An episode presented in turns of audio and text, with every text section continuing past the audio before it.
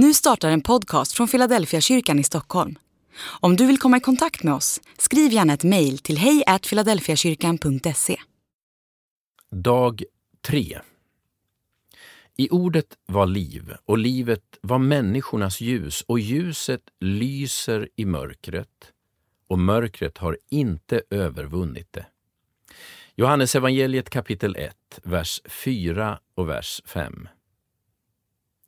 Mina barn har just fått en ny kusin. Det är min fru Helenas lillebror som har blivit far till en dotter. Det är fascinerande att se vad blodsband gör med människor. Mina barn står på kö för att både få hålla och gulla.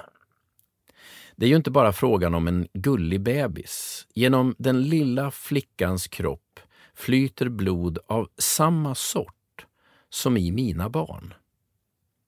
Det finns band som förenar genom släktskap och likheter. Det är det mina barn känner. Om detta släktskap vet lilla Lo ingenting. Med tiden kommer hon förhoppningsvis också att känna släktskapet, notera likheterna och känna sin tillhörighet. Men just nu vet hon ingenting. Johannes säger att alla människor har ett släktskap med Jesus oavsett vad man tror och tänker. Jesus är något mer och större än den historiska person som levde mellan år 0 och år 33 efter Kristus. Han var verksam innan han föddes och han är verksam efter sin död och uppståndelse. Genom honom har allting blivit till och genom honom blir allting till, hela tiden. Jesus är inte historia.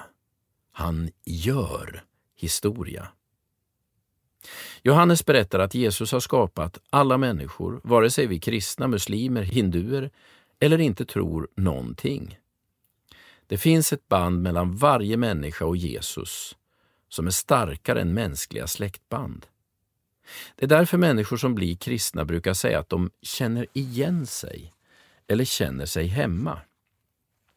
Det är inget nytt och tidigare okänt som kommer in i deras liv genom tron på Jesus. Det är snarare en kontakt med deras djupaste ursprung. Att tro på Jesus är inte en serie knepiga religiösa ritualer eller ett antal främmande riter. Nej, att tro på Jesus är som att möta en släkting som man har fått alla sina anletsdrag och personliga egenskaper av. Det är att bli förklarad, att få kontakt med sitt eget egentliga ursprung. Genom honom blev allting till, alltså också jag. Andlig övning Låt dina andetag bli en bön. Varje gång du andas in tar du emot Jesus.